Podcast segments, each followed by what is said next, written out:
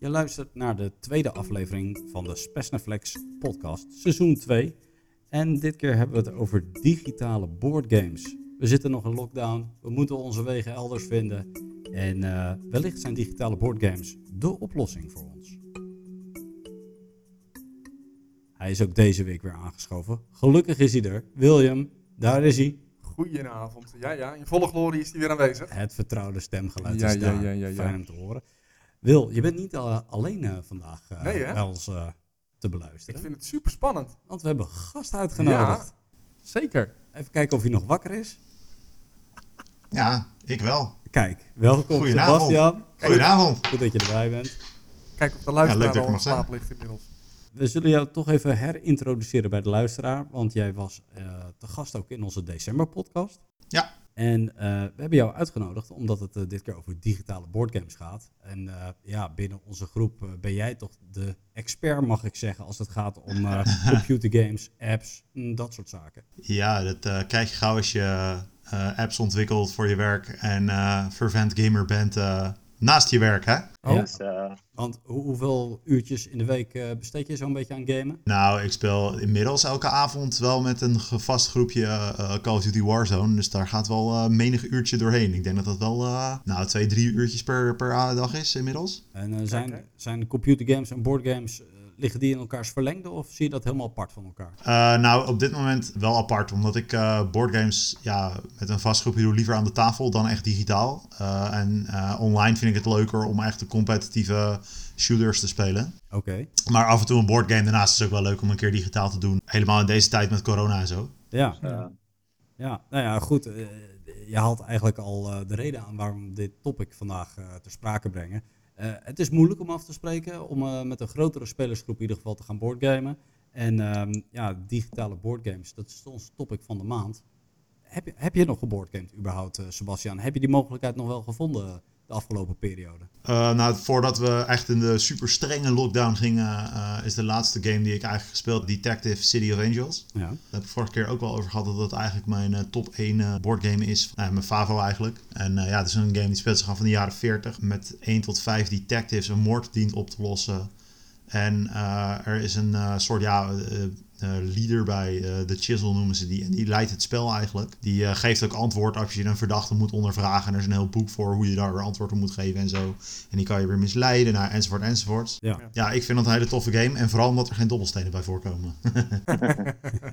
ja, dat hebben we eerder van jou gehoord. En dat, je bent nog steeds geen fan, begrijp ik. Nee, ik denk ook niet dat het gaat veranderen helaas. Die, die verwachting had ik ook niet. Mooi, oké. Okay. Uh, toffe game. Uh, bekend inderdaad, hebben we het over gehad. Uh, Wil, heb jij nog wat gespeeld de afgelopen periode? Jazeker. En dat is? Ik heb uh, Etherfield gespeeld. Oh, kijk eens aan. Ja, ja, ja, ja. ja. Maar dat is niet een hele verrassing voor jou. Maar goed, um, nee, voor de luisteraar misschien wel. Uh, Etherfield is pas vrij recent nu echt op de markt. Hè? Dus je kunt het nu echt spelen. Mm -hmm. Het is een, een game, een storytell game, waarbij je ja, eigenlijk je weet helemaal niks. Behalve dat je in een droomwereld zit. Ja. Je gaat um, uh, ontdekken wat je daar in godsnaam doet, hoe je daar terecht bent gekomen en wat het doel is van jouw aanwezigheid in die droom. We hebben de tutorial gespeeld en we hebben net de eerste droom achter de rug. Mm -hmm. En uh, om een tipje van de sluier te geven, er, er is heel veel uh, commentaar op de game, in positieve zin en in negatieve zin. En ik ben tot nog toe alleen nog maar positieve commentaren tegengekomen. Oké, okay. je bent positief Voor, over die game ja, bedoel exact. Ja, ja oké, okay, tof. Ja, goed om te horen. Hé, hey, maar betrap ik je nou weer op een campaign game? Ja, ja, ja, dat doe je zeker, ja. ja, ja ik, um, Wat is hier aan de hand? Ik weet het niet, maar het, het erg is ook gewoon dat ik het echt leuk vind. Dus, uh, ja. Dat is wel heel erg. Ja, dat is echt heel erg. Ja, ja, ja, ja, ja, dat ik echt gewoon mezelf niet ken. Dat, dat, dat, daar kom ik dus eigenlijk achter. Ja, ja, ja. ja goed. Mooi ontdekking, mooi ontdekking. Over campaign games gesproken, ik uh, ben er ook nog maar eens één gestart voor de verandering. Uh, Pandemic Legacy Season Zero. Ik uh, kondigde het aan in de voorgaande podcast. Ik ben begonnen bij mijn vrouw. Ik heb uh, de, um, ja, de tutorial gespeeld. En nu in januari. En ik moet zeggen, we hebben heel zwaar op ons kloten gekregen. Oh ja? Want uh, die game speelt toch wel weer anders. Er zitten herkenbare elementen in, uiteraard. Maar dit, uh, dit speelt zich af in de jaren, ja wat zal het zijn, 40, 50. Het is een beetje koude oorlog en er zitten allerlei spionnen overal. En uh, ja, je moet zorgen dat die niet de overhand krijgen, want dan gaan er allerlei hele vervelende dingen gebeuren. Yes. Je moet een soort van teams moet je gaan samenstellen. En ja, het is best wel lastig om dat voor elkaar te krijgen. En je moet op heel veel dingen letten. Alles heeft een bepaalde kostprijs, zeg maar. En dat kost zoveel setjes kaarten van dit. En dat kost zoveel setjes kaarten van dat. En ja, die complexiteit, dat moet nog even een klik maken in mijn hoofd voordat ik uh, dit goed ga spelen. Dus uh, ik mag uh, januari in de herkansing spelen. En hopelijk, hopelijk slaan we ons daar doorheen. Dus okay. wordt vervolgd, maar de eerste, eerste ervaring is in ieder geval heel positief met die game. Was ook niet anders verwacht, maar ja, gave game. Gave Cool. game. En uh, kijk uit naar de volgende play. Mooi, dat waren de games die we de afgelopen periode hebben gespeeld. Wordt het tijd voor het nieuws van de maand, Wil? Oeh, En ja, dan is ja, ja. toch weer de vraag, heb jij wat meegenomen dit keer? Ik heb eh, wederom wat meegenomen. Het is ongelooflijk. Eh, maar ik moet ook meteen een beetje de, de luisteraar een beetje teleurstellen. Want het is eh, aansluitend aan het nieuws van, eh, van vorige week. Wel positief in dit geval. Oké, Dat is namelijk dat eh, de Kickstarter die ik had gebackt, Zombicide Second Edition, dat die op de boot is naar Europa. En eh, sterker nog, dat hij nu al twee weken op de boot zit. Dus ehm, nou, ik hoop hem toch ergens ehm, halverwege februari, eind februari, bij mijn deurmat te gaan vinden. Oké, oké. Nou, dat is positief nieuws inderdaad. Dat is heel erg positief nieuws, want daar zit natuurlijk ook weer een Storytel campaign in. Dus dan kan ik er nog eentje starten, maar dan alleen. oh, mooi, mooi, mooi. Hij speelt tegenwoordig alleen nog maar campaign games. Hij Ja. is helemaal, eh, helemaal omgeturnd.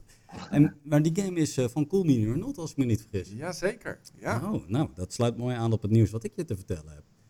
Cool Mini or Not. Waar moet ik beginnen in het hele verhaal? Ik, ik speel al vrij lang eh boardgames van Cool Mini or Not. Ik ben begonnen in 2019 met het backen van Kickstarter-campagnes. En mijn allereerste campagne was van Cool Mini or Not. En ik, ik draag ze vandaag de dag nog altijd best wel een warm hart toe. Ze hebben hele toffe games gemaakt. Meestal best wel gepolijste gameplay, eh, goed art, eh, mooie miniaturen. Het, het klopte voor mij altijd ja. goed, zeg maar. En de laatste tijd eh, laat men zo nu en dan wel eens een steekje vallen. Troetvang, hè, we hebben het daar Ja. vaker over gehad, is, eh, is daar een voorbeeld van. Maar er is een nieuw hoofdstuk toegevoegd aan, het, eh, Kijk eens aan. aan de rampspoed, zou ik bijna Hmm. zeggen. Wat gebeurde er namelijk? Cool Mini or Not heeft Massive Darkness 2 eh, op Kickstarter gelanceerd. En die heb ik gebackt. En wat gebeurt er? Nou, ja, Kickstarter was eh, voorheen eigenlijk een crowdfunding platform waar je startende bedrijven eh, ja, hulp gaf eigenlijk om hun, hun product of hun idee te verwezenlijken. Zo is Kickstarter ooit opgezet. Alleen dat verandert in de loop der tijd. Want Mini or Not, ja, het is gewoon een miljoenenbedrijf. Die weten al lang wat ze gaan maken, hoe ze het gaan maken, waar ze het gaan maken, et cetera. Dat is helemaal geen vraag meer. Het product is eigenlijk al voor 80% af. En ze gebruiken het als een marketinginstrument om het product aan de man te brengen. Ja. Dus wij, wij hebben het ook al gezegd in onze allereerste aflevering. Daar koop je tegenwoordig eigenlijk gewoon je game. Het is heeft een niks apart meer- verkoopkanaal het, het heeft niks meer met, Nee. met steunen van een start-up te maken. Je koopt als het ware een game, alleen hij moet nog geproduceerd Ja. worden. Nou, dat is eigenlijk wat er nu aan de hand is. De Belastingdienst Europa heeft daar ook lucht van gekregen. Met als gevolg dat eh, voorheen campagnes zonder BTW of VAT in het Engels eh, werden aangeboden en dat er tegenwoordig belasting op wordt geheven. Nou, Ja. wat heeft Cool Mini or Not daarmee te maken? Nou, nadat een Kickstarter-campagne is afgelopen, ga je naar een zogenaamde pledge manager. Hè, bij Kickstarter zeg je van, joh, ik eh, steun met 100 dollar bij wijze van spreken. En in een pledge manager kun je later nog aangeven van, oké, die 100 dollar, daar wil ik een base game voor en ik wil bijvoorbeeld die expansion daarvoor hebben. Ja. En ik moet nog eh 30 dollar aan bezorgkosten betalen. Bijvoorbeeld. Ja. Dan kun je er altijd nog bij financieren, zeg maar.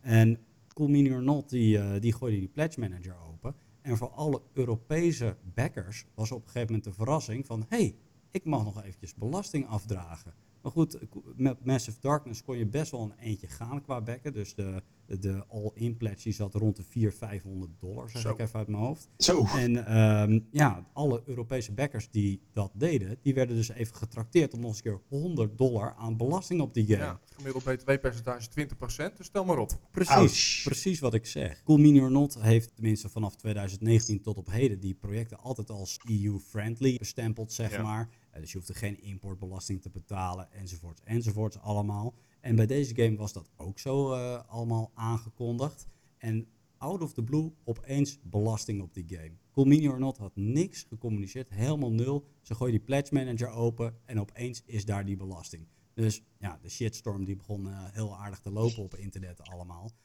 mensen hadden er geen goed woord voor over. Die wilden de juristen bijhalen en de hele kleren. Ja, want het is niet nieuw, hè? Dit is niet een wet die sinds gisteren opeens is opgetreden. Dit zit al heel lang in de pijpleiding. Dat klopt, dat klopt. En bedrijven gaan er verschillend mee om. Want nu zie je allerlei collega's van Community or Not reageren van ah, wij doen dat niet. Of wij kondigen het van tevoren aan. Of nou, wij, wij doen het allemaal wel op een nette manier. Maar Community or Not heeft niks gezegd. En sterker nog, men zegt nog steeds helemaal niks. Dus op het forum en op Kickstarter gaat het helemaal los. En iedereen is aan de rente over Cool Mini or Not, hoe slecht ze wel niet zijn. En Cool Mini or Not, die zegt gewoon helemaal niks. Maar kun je dan eigenlijk niet anders kiezen dan, dan maar die 20% betalen? Nee. Of eh, ben je je 5% Kickstarter fee kwijt? Nee, nee, er is een mogelijkheid op een full refund. Zo. Daar dan moet je dat via PayPal volgens mij doen, zeg maar. Dus voor Europeanen is het allemaal niet echt je van het, zomaar zeggen. Maar er schijnt een refund optie te zijn. En als ik de forums goed heb gelezen, dan, uh, dan nou ja, ook daar is 100 jaar radiostilte, want het schijnt er behoorlijk druk te zijn. De, de klantenservice van Comini or Not uh, heeft er zijn handen vol aan. Ja. Maar je schijnt je geld uh, terug te kunnen krijgen of anders ja, stikken of slikken, zou ik bijna zeggen. Ja, want, of slikken of stikken. Want, ja. want hierin past dan natuurlijk ook nog eens een keertje dat, dat oudere nieuws, dat Simon heeft het helemaal niet zo goed. Nee, nee, nee. Dit, misschien, misschien hebben ze het ook gewoon nodig. Hè ik kan het Cool Mini or Not niet kwalijk nemen dat er opeens BTW wordt geheven. Er is natuurlijk best wel veel onduidelijkheid geweest. Het heeft zeker boven de markt gehangen. Maar wanneer het daadwerkelijk op de markt neerdaalde, dat wist niemand. En nou ja, Cool Not heeft de pech gehad dat zij zeg maar in december die campagne van Mass of Darkness zo'n beetje hadden in januari de pledge manager gaan draaien en dat ze belasting moeten heffen. Tot daartoe neem ik het bedrijf niks kwalijk. Nou maar, dat je dan die niks zegt. 1 januari in trading. Dus, dus je, je, loopt dan, je ligt dan wel te slapen als bedrijf. Je, je ligt ze wisten het van tevoren. Maar dat je gewoon helemaal niks zegt van jongens, het is vervelend, sorry, weet ik veel wat. Gooi er nog een modelletje tegenaan. De kostprijs daarvan is voor Cool or Not volgens mij heel beperkt. Weet je, zo kopen we bij wijze van spreken de schade af. Maar men houdt de kaken op elkaar helemaal niks. Nee, maar voor de luisteraar is het wel goed om te weten dat de gemiddelde Simon-campagne is ook niet een campagne van ik luister naar wat de mensen in de comments zeggen. Niet, dat, niet bepaald. Nee, nee, en ik reageer daarop absoluut niet. Nee, nee. dus wees gewaarschuwd voor mensen die uh, Community or Not uh, uh, denken te gaan steunen in de toekomst. ja, zo, zo kunnen bedrijven zijn. En ah ja, goed, voor, binnenkort komt de volgende mooie nieuwe game voorbij. En dan zijn we het waarschijnlijk allemaal weer vergeten met elkaar. Over mooie campagnes gesproken, laten we eens naar het Kickstarter nieuws gaan. Want er zijn een aantal crowdfunding campagnes afgelopen. En uh, ja, we hebben nog in de aflevering zondag gezeten, dus we kunnen die, uh, die traditie bijna niet doorbreken. ISS Vanguard. Ja. Mogelijk voor de laatste keer in deze, de, in deze podcast. Voorlopig, ja. Maar de game die haalde toch uh, 5 miljoen dollar op, zoals we eigenlijk hadden voorspeld. Ja, inderdaad. En dat op toch een nieuw platform. Ja. Um, waar um, ja, tot, toch als je er nu nog naar kijkt, tot op heden vrij weinig op gebeurd, vind ik zelf. Nee, nee nou, daar komen we misschien later nog wel even bij. Maar uh, over ISS Vanguard, op dit moment nog geen mogelijkheden tot late pledge. Nee. We verwachten dat wel, maar dat zal uh, pas uh, plaatsvinden als dat de pledge manager daadwerkelijk open gaat. Ja. Dus geduld, nog eventjes. Um, verder afgelopen campagnes, Epic 7 Arise. En dat is een titel die we de voorgaande keer nog niet hebben genoemd. Maar Epic 7 Arise is een anime co-op dungeon crawler van Farside Games. En die campagne die eindigde op 1 februari. En toen haalde het bijna een half miljoen euro op. En die game die doet een beetje ja, denken aan Gloomhaven, aan Midara doet het ook wel denken. En die, uh, de, ja, het is een dungeon crawler, maar dan volledig in anime-stijl. Het zag er best wel tof uit. Alleen ja, het was een, het was een minder groot succes dan uh, Gloomhaven en Midara. Dus uh, goed, campagne is voorbij. Late pledge mogelijkheden komen wellicht. Ik heb ze nog niet gezien. Zijn uh, Kickstarter campagnes of andere crowdfunding platforms iets waar jij ook te vinden bent, Sebastian? Nou, crowdfunding op zich wel. Ik heb uh, best wel een tijdje terug uh, Exploding Kittens uh, gebackt. Jullie wel bekend. En ik denk Ja. de meeste mensen wel een leuke card game waar je met de katten moet verzamelen. En als je een Exploding Kitten hebt, ben je dood. Uh, ik heb uh, Throw Throw Burrito heb ik gebackt. Dat is ook een uh, card game waar je heel snel chaotisch door elkaar... waarmee je twee plusje burrito's hebt en snel moet pakken en er iemand kaart moet gooien. Ja. Mhm. Dus dat is heel erg leuk. En de laatste die ik, het laatste wat ik eigenlijk gebackt heb is Player Mats voor Gloomhaven en Frosthaven. Juist. Um, waarmee je zeg maar, ja, het is makkelijk om gewoon alles bij elkaar te houden dan. Ja. Dus ja, dat, ja, maar nooit echt keihard of hele grote boardgames of zo. Uh, In ieder geval nog niet. Duidelijk. Ik heb heel, heel erg zitten twijfelen om toen, uh, toen er tijd Detective City of Angels te borden te bekken. Ja. Maar ja, dat was, ja, ik weet niet waarom ik dat eigenlijk niet gedaan heb, maar achteraf had ik dat gewoon moeten doen. Maar goed, ik heb hem nu ook, dus ja. Ja, dat is waar, dat is waar. Nou, wellicht kunnen de komende lopende campagnes je interesseren. Want uh, Primal is op dit moment nog beschikbaar op Kickstarter. Daar moet je er overigens wel vrij snel bij zijn, want die loopt tot uh, 2 februari. Dus de mensen die de podcast beluisteren, die zijn waarschijnlijk al te laat. Maar Primal is een co-op bossfighter game met deckbuilding elementen. Dat moet ik toch even rechtzetten ten opzichte van vorige keer, want toen noemde ik het nog een D&D. En D&D mhm. is natuurlijk DICE. Nou, dat is deze game niet. Het is een deckbuilder. De game is van Reggie Games. Een pledge kan vanaf 139 euro. Dan heb je een base game. Ga je al in, dan ben je wat verder. Dan zit je op 249 euro. Op dit moment uh, haalt die game al 1,7 miljoen, bijna 1,8 miljoen euro op. Met een doelbedrag van 150.000 euro. Dus uh, ja, die, die is uh, ruimschoots heeft hij dit gehaald. Er wordt heel veel ruis ook over gemaakt. Veel, veel mensen die daarover communiceren. Ja, zeker, zeker waar. Um, ja, ja, goed, de, de, geluiden zijn erg positief. Um, ja, het heeft mij nog niet doen verleiden om uh, op de koopknop te drukken, nee. om heel eerlijk te zijn. Goed, iets anders misschien, ook interessant mogelijk, is Rune Lords. Die uh, campagne die is wat verser, die loopt nog wat langer. Dat is een co-op, maar tevens PvP dungeon crawler van Red Gin Productions. Pledge kan al vanaf 49 dollar, dus hij is betaalbaar voor Kickstarter begrippen. De huidige stand van zaken is 26.000 dollar met een doelbedrag van 50.000 dollar. Dus die, die game heeft nog wel een beetje liefde nodig voordat hij er is. Campagne loopt tot en met 19 februari, mocht het je aanspreken. En de laatste van de lopende campagnes, Human Punishment The Beginning, uh, is een social deduction slash pick-up and deliver game van Godot Games. Pledge kan vanaf 55 euro, dan heb je de Basic Edition. En de Deluxe Pledge kan eventueel vanaf 90 euro. En ook die uh, campagne die loopt nog eventjes. Loopt tot en met 24 februari. Het doelbedrag van 25.000 euro is reeds behaald. We zitten op 215.000 euro, 216.000 euro. Dus uh, ja, die game die gaat, er, uh, gaat er komen. En ik moet zeggen, deze game die spreekt me wel aan. Het uh, zag er erg tof uit. Beetje feeling van Cyberpunk 2077 als je kijkt. Iets, iets kleurrijker nog. En ja, het gave van die game is dat je ja, eigenlijk uh, allemaal als human zogenaamd in die game doorgaat. Maar stiekem zijn er een paar mensen geen human, maar iets anders of een robot of een cyborg of whatever. Ja. En die hebben zo hun eigen motieven in het spel uh, ja. uh, en hun eigen ehm, doelen. En ja, dat is waar je elkaar uiteindelijk toch moet zien te ontmaskeren. Dat niet iedereen voor hetzelfde collectief gaat. Nee. Dus het zag er tof uit. Ik, ehm, ik ben nog in twijfel. Ik ben nog in twijfel en 24 februari is nog even, dus uh, we kunnen nog even twijfelen wat dat betreft. Ja. Komende campagnes. Laat je verleiden tot het volgende. Kingdom Rush is een campagne die binnenkort gaat beginnen op GameFound. is een game van Lucky Duck Games. campagne start op 9 februari. Kingdom Rush kun je kennen van uh, Tower Defense games. Uh, onder meer op de tablets en op de telefoontjes kun je dat spelen.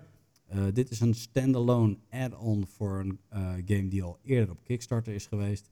En die game haalde toen uh, meer dan 1 miljoen dollar op. Dat was 2 mei 2019. En ja, deze game die gaat er nu dat vervolgen. En die gaat, nou ik zal het alvast voorspellen, over de 1 miljoen heen. Duidelijk. Is die game ook al uitgebracht dan? Die game die zat volgens mij tegen levering aan of was reeds geleverd. Ik denk dat die al was geleverd. Ik heb daar YouTube filmpjes van okay. gezien, nu ik daar lang over nadenk. En uh, dit, is, uh, dit is daar een vervolg op. Dus uh, ja, volgens mij is het, die game ook gewoon beren populair op de tablets en alles. Dus dat, dat gaat wel komen, deze game. Um, mocht, mocht je andere interesse hebben, Bloodstone is mogelijk iets wat je zou kunnen interesseren. Dat is een game, een arena combat game van Druid City Games. Dit speel je player versus player, maar ook player versus enemies. Een beetje à la Black Rose Wars. Mm -hmm. En die campagne die start op 16 februari op Kickstarter. En als laatste de komende periode, tenminste wat ik even uh, echt gedetailleerd weet, is uh, Red Ghost Forest. Dat is een co-op dungeon crawler slash exploration game. En die gaat half februari op Kickstarter komen. Ja. En die laatste die ga ik, uh, ga ik in ieder geval wel even checken. we hebben ook nog wat dingen waar we wat minder info bij hebben. Velocity Vanguard is een space combat game. Die zou ook ergens medio februari komen, was mijn laatste nieuws. En uh, jij had er ook eentje toegevoegd. Ja, ik had er eentje toegevoegd. Uh, Aras Expedition, de Terraforming Mars card game. Nou, je weet het inmiddels wel, ik ben een beetje Terraforming Mars uh, geil. Ja. Um, en dit zag er ook gewoon weer, weer leuk uit. Even kijken of ik het wil hebben. Ja. Um, maar hij moet medio februari komen. Kijk eens aan. Dus um, ja, hoe rustig het jaar is begonnen, zo druk is het nu. Het is echt, nu echt aardig, aardig ja. vol met releases. Hey Sebastian, als je het lijstje zo hoort, zit er wat bij wat jouw interesse heeft? Uh, ja, die cyberpunk-achtige game die klonk wel tof. Ja. Die uh, Human Punishment heette die toch? Ja, ja, Human Punishment The Beginning. In. Ja. Ik zag hem toevallig echt net op Kickstarter voorbij komen. Ja. Maar ja, toen zag ik ook dat er dices in zaten, dus dat was alweer iets minder. ik kan me herinneren dat er toch ook nog een game in jouw top 3 stond die ook dice uh, gerelateerd was. Ja, ja oké, oké, oké, true. Fair point. Fair nee, point. Uh, Human Lu luister de aflevering met terug. Deze, ja. deze hebben we ja. Oké. Okay. Dus uh, lijkt me tof goed, genoeg te bekken in ieder geval. Ga checken op Kickstarter en op GameFound. En uh, volgende maand dan vertellen we weer waar de campagne staat. Goed, komen we bij het topic van de maand, mannen. Daar ja. het uiteindelijk allemaal op draait. En uh, ja, uh, deze tijden die vergen toch een andere manier van boardgamen. jullie zijn er al wat langer mee bezig. Ja. En um, ja, de, de, op een digitale manier toch boardgames spelen. Ja, we zijn een tijd geleden gestart met um, het Stenen Tijdperk. Ja. Uh, gewoon om um, ja, maar eens een keer wat te doen. Hè. Want ja, um, begin van corona was toch een beetje kijken hoe we dat gingen aanpakken. Ja. Nou, die game beviel heel erg goed. Um, dusdanig goed dat ik uiteindelijk de boardgame gewoon heb gekocht. Dus vanuit, het vanuit de computergame ben je naar de board gegaan? Ja, dan moet ja. ik wel eerlijk bekennen dat ik de boardgame al eens een keer had gespeeld. En okay. dus vandaar ook de, de, de game heb opgezocht op uh, de online versie. Ja. Uh, maar wel zo leuk vond dat ik hem dus zelf ben gaan kopen. Ja, en, uh, en Bas heeft ook meegespeeld in die game, toch? Sebas heeft hem ook ja. gespeeld, ja, Ja. absoluut. Hoe- Samen met ja. Dennis. Hoe was jouw ervaring daarbij, eh, Bas? Nou, ik vond, eh, we, we hebben dan eh, het spel gespeeld op boardgamearena.com. Uh, daar kan je allerlei boardgames eh, zeg maar spelen. Ja. Dus niet alleen eh, Stone, Stone, eh, Stenen Tijdperk, maar ook, eh, weet ik veel, Through the Ages en Terra Mystica en zo. Juist. Ehm, het lastige van eh, Stone Age eh, of de Stenen Tijdperk in, eh, eh, op de website of online, zeg maar, is dat er een hele hoop automatisch gaat. Ja. En dat je een beetje het overzicht in het begin kwijt bent als je het voor het eerst speelt. Ja. Maar ja, als je het eenmaal even door hebt, dan is het, eh, is het eigenlijk heel erg goed te doen. En is het een hele goede vervanging voor ja, het aan tafel zitten bij elkaar. En was het dan zo dat die eerste game je echt helemaal als learning game moest doen? Of was het wel zo op een gegeven moment na turn 3, 4 zo van oké, het werkt zo en eh, de- rest van de game was eh, interessant, zeg maar meteen? Nee, ik had wel zoiets van na turn 3 of 4 komen we er, eh, hè, dan zit je er een beetje beter in. Ken je de regels ook wat beter, weet je een beetje hoe het gaat. En dan, eh, ja, dan gaat het een stuk makkelijker. En eh, hoe heet Dus, die site wat jij nou net zei? Eh boardgamearena.com. En Ja. wat betaal je dan voor zo'n game? Of eh, kun je dat gewoon gratis spelen? Die kun je gratis Nee. spelen. Er zijn wel accounts of games waarvoor je een account moet hebben waarvoor je moet betalen. Oké. Ja, je hebt bijvoorbeeld Terra Mystica, dat is, eh, daar moet je voor betalen. Dat noemen ze dan een premium game, geloof ik. En eh, daar moet je dan eh, een eh, x bedrag voor betalen om, eh, om die te kunnen spelen. Ja. Maar er zijn ook een aantal die gewoon gratis zijn. Want Stenen Tijdperk is gratis. En eh, nou, wat hebben we nog meer? Nou, weet ik, zo ga, ik weet zo ga even niet, maar er zijn er genoeg in ieder geval die je gewoon gratis kan spelen. En gaat die, eh, gaat die site dan ook gepaard met een soort van chatfunctie? Of doe je dat echt naast, eh, naast die site dan? Nou, er zit wel een chatfunctie in. Je kan gewoon, maar, maar niet voice chat, maar gewoon echt eh, via messages, zeg maar. Ja. Juist. Maar wij hadden wel gewoon, ik weet niet, volgens mij hadden wij Discord gewoon openstaan, geloof ik. Ja, Ja, kletsen. ja. juist. Ah, ja, goed. Er zijn natuurlijk omwegen om daar alsnog bij te komen, zeg maar. Ja, en, je speelt dan met een, met een afgeschermd aantal spelers? Of kun je dan zo'n game ook tegen vreemden bijvoorbeeld spelen? Je kunt de game ook met vreemden spelen. Oké. Ja, ja, je kunt de game wel degelijk met vreemden spelen. Alleen ja, goed, wij hebben die game niet opengegooid. We hebben gewoon met z'n drie gespeeld. Nou, Ja. oké. Tof. Tof. Goeie tip eigenlijk meteen. eh, jullie, zijn, eh, jullie zijn te vroeg met jullie tips, maar dit is, eh, dit is al meteen een hele mooie. tip? Ja, Heb jij toch? Heel goed. goed. Pik ik er mooi mee, hè? Ja, oké. Goed, wij, wij- in de aanloop naar deze podcast hebben we ook wat eh, games digitaal getest. En dat, eh, dat is op de PC geweest, op de telefoon geweest. Eigenlijk overal waar games digitaal te verkrijgen zijn, daar hebben we dat gedaan. En dan hebben we het natuurlijk over boardgames die vertolkt zijn naar de digitale wereld. Ieder heeft twee games gespeeld. En ehm, eh, Sebastian, zou jij eens willen aftrappen met de game die jij hebt, eh, die, die jij hebt gespeeld? Ik ben eigenlijk begonnen met Scythe. Dat is een, ja, een boardgame waar je eh, in een alternatieve geschiedenis speelt. Net na de Eerste Wereldoorlog. In 1920 is het als ik het even zeg. Ja? Uh, ja, er is een soort van duistere periode. De westerse wereld ligt in puin. En er is, nou ja, net na de Eerste Wereldoorlog is het sowieso gezellig. Uh, en er is een ja, soort kapitalistische staat de, genaamd The Factory. ja, een soort van mechs heeft gemaakt in die tijd. Dus een beetje steampunk-achtig. De bedoeling is dat je jouw faction, zeg maar, naar glorie brengt, om het zo maar eens te zeggen. En dat kan je op allerlei manieren doen. Dus dat kan je door, uh, nou ja, ik geloof uh, populariteitspunten te verdienen, gewoon winstpunten, uh, resources, enzovoort, enzovoort. Oké, en je, je hebt een vergelijk hè, bij deze game, want jij je bent ook in het bezit van, van het boardgame zelf. Ja, klopt. Kijk. De boardgame uh, heb ik zelf ook uh, thuis liggen, zonder alle expansions, gewoon de standaard. Ik heb de game ook daarom uh, op de PC gespeeld, zonder alle expansions, zodat je nou ja, goed beeld hebt van hoe het spel is. Je had een 1 op 1 vergelijk. Sorry? Je had een 1 op 1 vergelijk. Ja, klopt. Hij speelt wel lekker op de PC, alleen ja, wat, wat ik moeilijk vind is dat je. Er zitten een paar min, ja, minpunten eigenlijk aan. Het enige, er zit een minpunt aan is dat als jij een actie kiest, zeg maar, je, hebt, ja, je moet twee acties van je bordje kiezen die je voor je hebt liggen. Dat kan bijvoorbeeld, nou, laten we even makkelijk een move action doen. Ja. En je kiest die, dan kan je dus niet meer terug. Dus als je die eenmaal gekozen hebt en je denkt van, oh shit, ik wil iets anders, dan zit je daaraan vast. En dat maakt het best wel lastig. Ja. Um, en um, ja, ik vind de interface niet zo heel fijn op, op de PC, maar dat, dat is waarschijnlijk iets meer persoonlijks.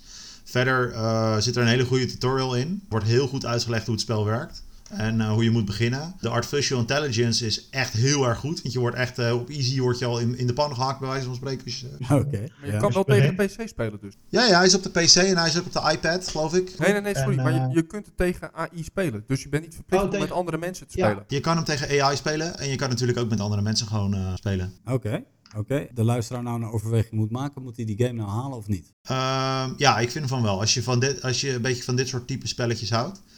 Uh, zonder dices, dat is altijd goed voor mij. En uh, ja, een beetje ook van die steampunk-achtige settings en uh, ja, super mooie artwork erin. Uh, ik denk dat het wel een goede is om het een keer te proberen. Volgens mij was die laatst ook nog in de aanbieding. Ik weet niet of die nu nog in de aanbieding was, maar ik heb hem voor een tientje op de kop getikt. Okay. Dus dat is op zich wel een goede deal, want volgens mij is die normaal 25 euro of zo. Okay. En even voor het idee, is het een goede vertaling van de boardgame naar de PC-game? Of zie je toch heel veel elementen die je niet kunt terugbrengen? Uh, nee, het is wel echt een goede vertaling. Ze hebben het bijna één op één gedaan. Het gaat zelfs zover dat je je eigen beschilderingen van uh, figuurtjes en mechs en zo kan doen.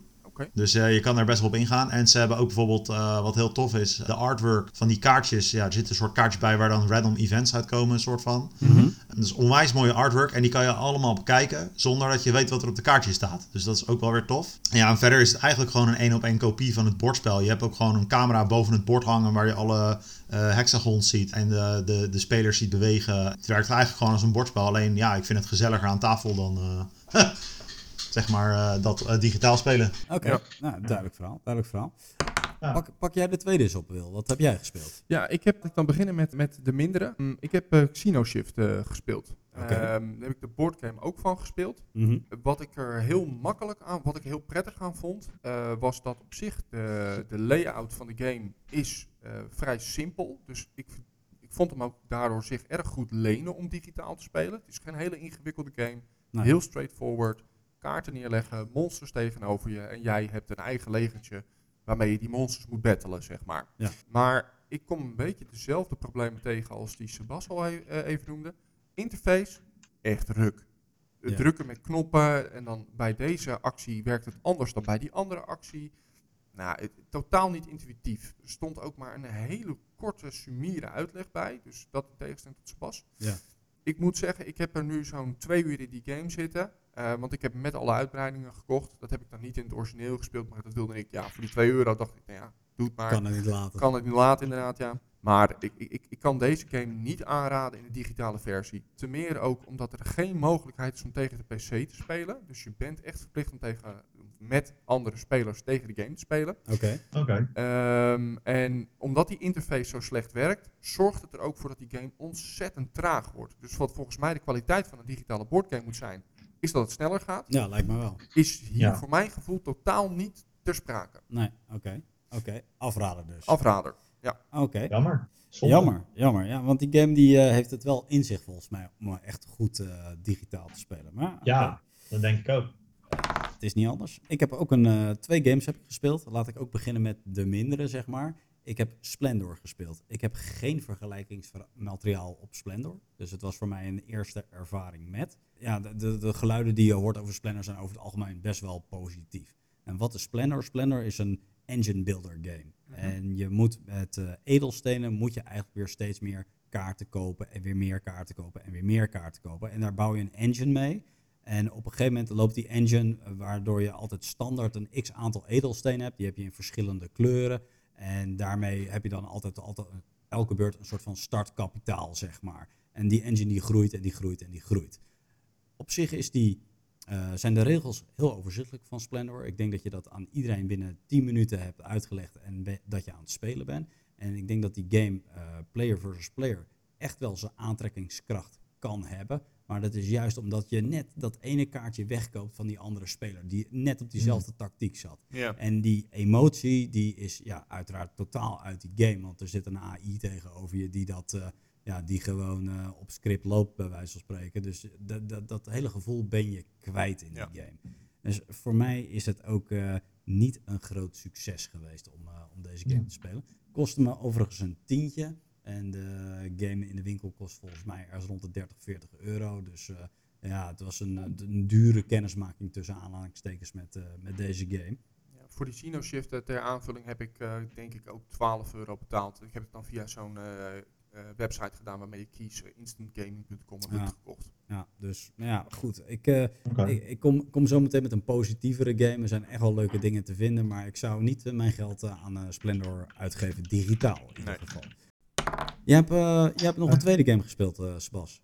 Yes, ik heb de iPad eh, Through the Ages gespeeld. Dat is een, eh, een vrij uitgebreide en lange boardgame fysiek. Zeker. Eh, waar je, je begint eigenlijk met een, ja, hoe noem je dat? Een, eh, nou ja, een kleine, klein dorpje of tribe, zoals ze dat zeggen. En eh, je uit, nou ja, moet uitbreiden dat je civilization greatness heeft van, nou ja, van eh, stokken en stenen totdat je met vliegtuigjes en nou ja, allemaal dat soort dingetjes eh, kan gaan doen. Dit is een heel erg micromanagement game eigenlijk, waar je allemaal, ja, in het fysieke spel heeft allemaal blokjes, ja, allemaal kaartjes die je moet bijhouden, eh, waardoor het ook op een gegeven moment heel erg stroperig wordt, de, de fysieke versie. Maar het leuke is dat de um, game op de iPad eigenlijk heel erg vlot gaat, omdat het allemaal door de AI gedaan wordt. En daardoor wordt alles, zeg maar, alle cubes die je normaal moet, zelf moet managen en alle kaartjes die je ergens moet neerleggen op een bepaalde volgorde, wordt allemaal voor je gedaan. En daardoor wordt die, dat, die game eigenlijk steeds eh, wordt die makkelijker op te spelen en gaat die ook sneller. En deze game merk je heel erg als je met drie, drie spelers zit, dat je fysieke game, dat het eigenlijk best wel prima te doen is. Maar dan duurt het ook wel echt 4, 5 uur voordat die klaar is. Dus ja, je bent er wel echt een, eh, een klei van vast. En ik geloof dat ik de digitale versie in, nou, een, een potje in anderhalf, twee uur gedaan heb met drie AI-spelers. Oké. Oké. Dus Een halvering van je tijd en een optimalisering Ja. van je plezier. Ja, dus dat, eh, maar dat komt ook ja, gewoon omdat een hele, de AI dus, eh, eh, en de game mechanics een hele hoop overgenomen worden door, door het spel zelf, door de AI zeg maar. En dat maakt het wat makkelijker. Ja, en deze kun je dus ook tegen elkaar spelen online of nou ja, tegen een AI spelen, medium, easy, hard. Volgens mij heb je zelfs nog een expert of zo erin zitten die niet verslaan vast is. Dus Klinkt goed Ja, dus, eh, ja, deze game. ja, zeker. Ja, zeker. Dat, eh, dat, dit is wel echt een aanrader als je van dit soort game houdt. Hele- Helemaal als je zeg maar eh, op de iPad of zo zit en eh, je bent dan onderweg naar iets, als het weer mag. Of dat je gewoon lekker op de bank zit, want het, ja, het speelt lekker weg. En wat betaal je voor die games?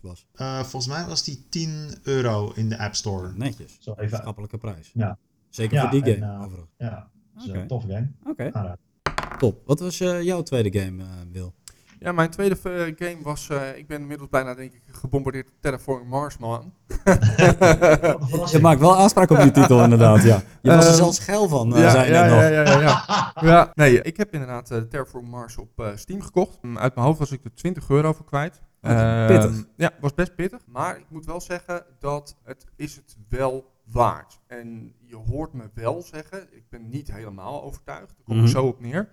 Maar alles wat bij SinoShift minder was, in de zin van interface en dat soort zaken, dat zit hier absoluut wel in. Het werkt supergoed. Een van de dingen waar ik bij Terraforming Mars de, de kaartgame, of sorry, de boardgame wel eens tegenaan loop, is dat ik soms denk, bij dit kaartje, hoe moet ik dit in godsnaam uitvoeren? Ik snap het eigenlijk niet echt lekker. Nee. Daar leent deze digitale game zich juist wel heel erg voor, want de uitleg, je hoeft zelf eigenlijk helemaal niks uit te zoeken. De game vertelt je, oh je hebt deze, game je hebt deze kaart gespeeld, nou dit is het effect en het werkt zus en zo. En dan, ja, dan merk ik eigenlijk dat die game nog veel meer mogelijkheden in zich heeft schuilen dan dat ik normaal gesproken in de boardgame naar buiten weet te trekken. Dus Ja, dat jij wordt ik- op nieuwe strategieën eigenlijk ja, ja, ik vind echt Ja. dat, dat, dat dat voegt echt een goede laag toe aan die game. De singleplayer zit erin, want in de gewone boardgame kun je ook eh, tegen de PC zeg maar spelen, Ja. tegen het bord spelen. Ehm, die zit erin. Dat is best leuk om te doen. Maar ik moet zeggen dat ik het, naar mijn idee, op het, met het gewone spel vaker win dan de digitale versie. Dan kom ik op het wat mindere deel. En dat hoorde ik jou ook al even zeggen. Ja. De beleving is wel een beetje weg. Wat ik leuk vind aan Terraforming Mars. En ja, ik ben dan zo iemand die het wel eens leuk vindt om een mes in iemands rug te steken. Ehm, ja, dat, dat zit ook een klein beetje in het Terraforming Mars wereldje. En ehm, ja, die, die heel negatief, maar die, die blik die, eh, die iemand heeft op het moment dat je hem probeert te naaien, Ja. die zie ik niet in deze game. Als ik het digitaal speel, ik heb het tegen andere mensen gespeeld en echt, ik heb er best wel plezier in gehad. Ja. Maar dat hele, dat hele pak-effect, dat is weg. Ja. En omdat die game wat makkelijker speelt, zie ik ook dat het, zeg maar, het niveau van mijn tegenstand is echt massive. Ik heb het drie keer gespeeld tegen andere spelers. Ik ben altijd standaard laatste geworden. Oké. Dus het niveau is wel heel hoog. Dat vind ik aan de ene kant wel heel erg leuk. Aan de andere kant geeft het me niet echt de mogelijkheid om echt het gevoel te hebben dat ik die game onwijs leuk ga vinden daardoor. Nee. Dus ja, deze game zou ik een 7 geven. Zeker voor de mensen die denken van joh, die Terraforming Mars, ik hoor hem er vaak over. Zoek het op met een, eh, met een goedkope CD-key. Vind je het gegarandeerd voor een tientje. En dan, eh, ja, ja oké, dat kan je waarschijnlijk wel een keertje leiden. Ja. En dan heb je waarschijnlijk ook meteen een goed idee of die boardgame wat voor je is. Oké. Maar ik kan Ja. deze game echt wel, wel aanraden. Oké, nou goed, nemen we mee. Ehm, mijn laatste game, eh, dat is eh, Pathfinder. En Pathfinder is een, ehm, een eh, role-playing exploration game, die ik ook inderdaad echt op boord heb gehad. En ehm, ja, bij Pathfinder heb je verschillende avonturen. Je hebt er verschillende campaigns in, kan ik beter zeggen. Dus ik heb hier, ik heb zelf Rise of the Rune Lords bijvoorbeeld gespeeld. En eh, Wrath of the Righteous eh, heb ik gespeeld. Eh, Rise of the Rune Lords heb ik dan digitaal gespeeld. En het vergelijk wat, ik, wat ik zelf had was Wrath of the Righteous. Wat is die game? Die game is eigenlijk een heel groot kaartspel. En je maakt verschillende locatiedecks aan, allemaal volgens bepaalde regels. En daar ga je in exploren. Dus je kunt je bijvoorbeeld voorstellen dat je een marketplace hebt. En in die marketplace kun je heel veel items bijvoorbeeld scoren. En je hebt misschien ook wel een, een tavern bijvoorbeeld, waar je weer heel veel companions kan vinden. Maar je hebt ook een, eh, een dungeon en in die dungeon zitten weer heel veel vijandjes. Dus zo heb je verschillende locaties en dat wordt ingegeven door welke, ja, welke campaign je precies speelt en welke episode je speelt. En met jouw karakters ga je die locaties door. Daar ga je in op onderzoek uit, want in elke locatie zou mogelijk de vijand kunnen zitten. Die probeer je op te sporen en die zoektocht die, eh, die, zoek je op, die doe je eigenlijk op verschillende locaties met als doel om die eindbaas te vinden. Die eh, locaties die moet je uiteindelijk proberen te dichten, zodat die eindbaas nergens meer naartoe kan vluchten. En als je hem eenmaal in de hoek gedreven hebt, dan kan je hem daadwerkelijk verslaan. Ja. Het is een, eh, een toffe game om te spelen, zeker digitaal. Want als je hem analoog speelt, dan heb je daar best wel veel eh, uitzoekwerk van. Je moet al die dekjes moet je gaan maken. Je moet precies zoveel van dit erin stoppen, precies zoveel van dat erin stoppen. Je moet het schudden. En er zit heel veel ja, micromanagement, heel veel eh, upset time zit daarin om zeg maar, die game helemaal voor te bereiden om te gaan spelen. Ja. En op je telefoontje speelt Ja. het eigenlijk super makkelijk weg, want die computer doet natuurlijk alles voor jou. Dus eh, ja, die game is voor mij eigenlijk veel interessanter digitaal dan dat die analoog is.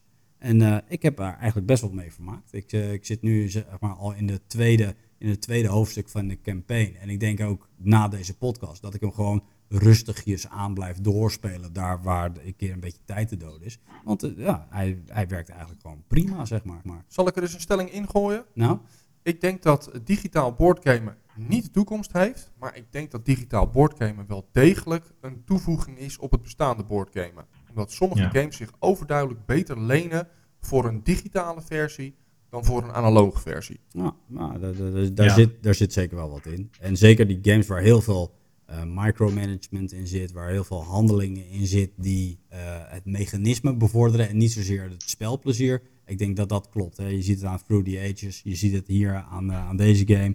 Ja, ik denk dat dat heel erg goed klopt. Maar heb je het over Splendor, wat gewoon eh, out of the box spelen is, zeg maar. Ja, daar voegt het digitale gebeuren niet zo, eh, niet zo gek veel aan Nee. Nee, nee. Nou had ik nog wel een, een andere vraag eigenlijk. Dat vind ik wel grappig, want jij eh, zei net, Frank, dat Terraforming Mars een pittige prijs was. Ik geloof dat uh, Wilde 20 euro voor betaald heeft. Ja. Waarom vind je dat voor een PC-game of voor een, een mobile of digitale boardgame uh, vind je dat een pittige prijs, terwijl je voor Kickstarter best wel een hoop geld kwijt bent? Dat, uh, daar heb je, een, nee, daar heb je een punt. Nee, goed. ik ben nu gewend geraakt aan ongeveer maximaal een tientje, zeg maar, voor een digitale vertolking van een boardgame. En uh, ja, de, okay. deze game die, uh, ja, die is die dubbele van een tientje. Dus vandaar dat ik zeg, nou, ik vind het best wel een pittige ja, okay. prijs. Overigens, uh, okay.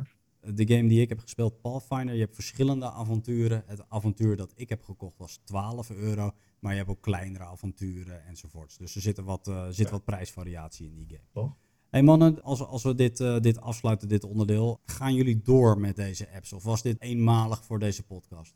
Ten dele, als ik hem uh, als eerste mee begin. Ik denk dat als ik een andere boardgame vind die weer een beetje in het staatje past, dat ik hem zeker wel zou willen aanschaffen. Ja. Maar van deze twee boardgames zal ik ze niet zo snel oppakken. Nee. Oké. Okay. En jij, Sebas? Ik denk dat ik uh, Scythe niet zo vaak zal spelen, maar dat is meer omdat ik, op, als ik op mijn PC zit, er een hele hoop mensen bij mij gaan vragen of ik kom gamen online. Ja. Maar Through the Ages, ja, die speel ik eigenlijk best wel vaak, want ik heb die al een hele tijd op mijn iPad. Ja. Speel ik regelmatig gewoon, uh, weet ik veel, in de lunchpauze of uh, nou, toen ik nog met de trein naar kantoor ging uh, op mijn iPad om als tijdverdrijf, zeg maar. Dus ja, die, ik, ik zal die wel door blijven spelen, omdat ik gewoon een hele toffe game vind ook. Oké, okay, cool. En als er wat anders voorbij komt dan wat me leuk lijkt, dan wil ik die ook wel gaan proberen. Dus het is wel uh, titelafhankelijk. Maar ja. ik ga ervan ja. uit als alles weer voorbij is, dat iedereen graag achter het bord kruipt in plaats van het scherm. Uh, dat denk ik wel, ja. Uh, ja, dat is volgens mij wel een beetje de conclusie. Oké, okay. heel goed. Heel goed. Mooi. Dan, zoals bij iedere aflevering, sluiten we af met een aantal tips. Mag ik jou het woord geven, Sebastian? Jij hebt een tip voor ons meegenomen. Ja, het is misschien niet alleen een. het is geen boardgame, maar dit is meer gewoon een game die ik laatst gespeeld heb op de PlayStation. Het is Resident Evil Village. En Resident Evil is natuurlijk, zoals jullie allemaal wel bekend zijn, horror games met zombies en toestanden. Dit is eigenlijk een vervolg op Resident Evil 7, oftewel Resident Evil 8. We hebben ze nu een, uh, ja, een soort trailer teaser van gegeven op PlayStation. Oké. Okay. Ja, ik heb aan de hand van die laatste ben ik ook begonnen aan Resident Evil 7, want die heb ik nog nooit gespeeld, omdat ik die eigenlijk best wel creepy vind. En ik vind hem nog steeds best wel creepy. En ik hou niet zo van creepy games. Uh, maar nee. Uh, maar Resident Evil Village, die main demo, is zo vet. Ja. En zo verschrikkelijk mooi gemaakt. En de sfeer is zo goed in die okay. game dat ik echt wel vind dat uh, als je hem uh, kan spelen, want volgens mij is hij er op dit moment alleen nog voor de PlayStation 5 en de Xbox Series X, ja. dat je hem echt wel moet proberen. Nou ja, wat ik zeg, ik ben aan daarvan ben ik Resident Evil 7 begonnen en dat is dan ook maar gelijk uh, nog een extra tip erbij. Ga die game spelen, want die game is echt vet. En hij is creepy en je schrikt je eigen helemaal, nou ja, ik zal het maar niet zeggen op stream of op podcast. Maar uh, je schikt je eigen het Lazarus. De sfeer zit er goed in, zeg maar. is echt een aanrader. Nice. Hey, maar Sebas, ik hoor jou nou zeggen dat jij niet van, uh, van, van zo'n uh, creepy uh, omgeving bent. Maar we hebben toch geregeld Left 4 Dead gespeeld. En daar kan ik me af en toe ook helemaal de pleuris in schrikken. Ja. Als er opeens eentje achter me staat. Left 4 Dead is rookie hoor. Ja, ja, als je zeg maar Left 4 Dead al eng vindt, dan zou ik Resident Evil 7 niet gaan spelen. En Village ook niet. Dat is bij deze een afrader voor William. Ik vind het wel leuk hoor. Zolang was Sebas maar niet te vaak achter me staat, dan... Dan weet ik zeker dat ik niet word doodgeschoten. Uh, mooi. Uh, William, heb jij nog een mooie tip meegenomen? Nou ja, ik um, heb me eigenlijk net een klein beetje verraden. Wij noemen het hier wel vaker tot nog toe. Je kunt natuurlijk games kopen via bestaande stores of ja. um, via webwinkels. Maar er zijn ook heel veel keys die je kunt kopen. En een van die platforms die ik heel veel gebruik is Steam. Ja. Uh, je maakt er een account op en eigenlijk de games die je daar hebt, die zijn een, zover ik weet, je leven lang van, van jou.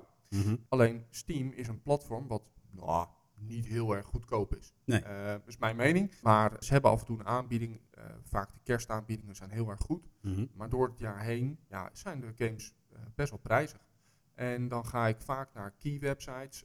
G2A is een van die websites. Instant Gaming is een van die websites. En Ja. dat kan je echt heel veel geld opleveren. Um, van Instant Gaming houdt hij dat ook bij voor je, wat de retailprijs is en wat jij ervoor hebt betaald. En ik heb tot nog toe 170 euro minder betaald via die website dan via de retail. Dus ik heb maar dat is dan wel de vraag over hoeveel games die 170 euro. Dat gaat om een gamepje of acht inmiddels. Oh, dat is wel een forse besparing. Ja, ja, ja, ja. Oké. Dus, nou ja, Let wel even, even een side note voor die eh key stores. Ja. Het is wel een beetje een grijs gebied. Hè? Of het legaal is of illegaal is niet helemaal duidelijk. Er zijn wat eh, problemen geweest de afgelopen jaren met eh, de Ubisoft Store. Die bijvoorbeeld eh, mensen eh, de game eh, geband had omdat ze een eh, key gekocht hadden uit een key store die illegaal verkregen bleek te zijn. Dus let daar wel een beetje mee om. Eh, maar je kan op internet best wel vinden welke stores er eh, legale keys verkopen of eh, waar je vertrouwde... Dan laat ik eh, het in keys ieder kan geval kopen. zo omschrijven dat ik netjes ook aangeef dat ik uit Nederland kom. En dan moet ik ook keurig netjes mijn 21% btw betalen. Wat ik heel erg vervelend vind. Maar Ja. ehm, dat, geeft me wel een beetje het gevoel dat ik met iets legit zeg maar, te maken heb. Laat ik het zo zeggen als Ja. het gaat om instant gaming dan. Oké, nou, wel goed, mooi. Eh, nemen, we, nemen we mee in het verhaal. Ik heb eh, twee tips meegenomen, als ik zo vrij mag zijn. Laat ik, eh, laat ik eh, beginnen met de vraag aan jullie. Hebben jullie eh, Dry January overleefd, mannen? Eh, dan denk ik niet dat die bij mij dry was. Oké, nou Nee, goed. ik denk bij mij ook niet. Ik wil absoluut geen alcohol promoten, maar ik wil wel graag, als ik een gamepje speel, graag iets lekkers op tafel zetten. En een, eh, ja, een- een goed biertje bijvoorbeeld erbij, dat doet het eh, in de gamegroep vaak goed. En daar heb ik een hele leuke app voor.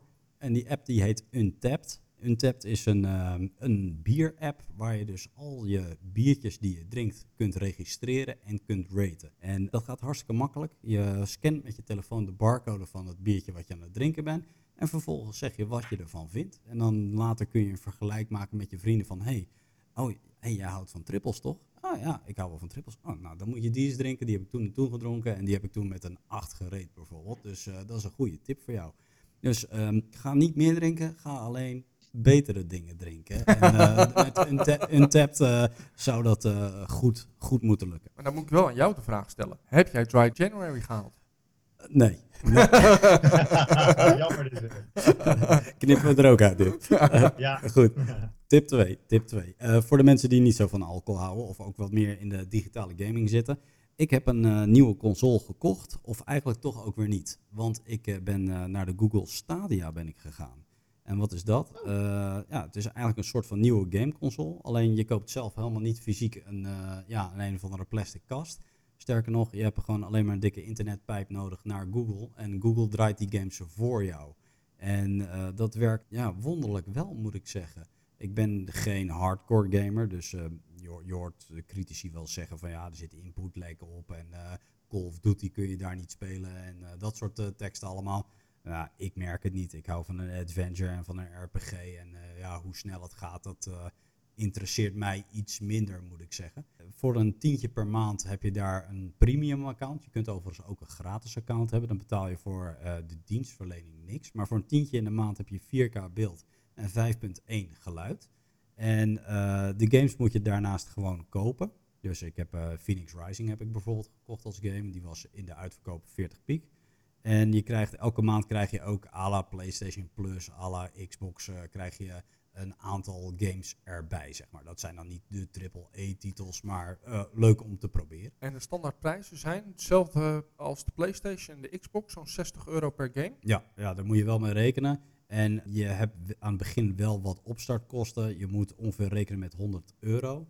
En voor die 100 euro krijg je een controller en een Google Chromecast Ultimate. En dat heb je nodig om hem op, eh, op een eh, tv bijvoorbeeld te spelen. Maar je kunt ook direct aan de slag zonder al die spullen. En dan kun je bijvoorbeeld op je PC met je bestaande PlayStation controller of je Xbox controller...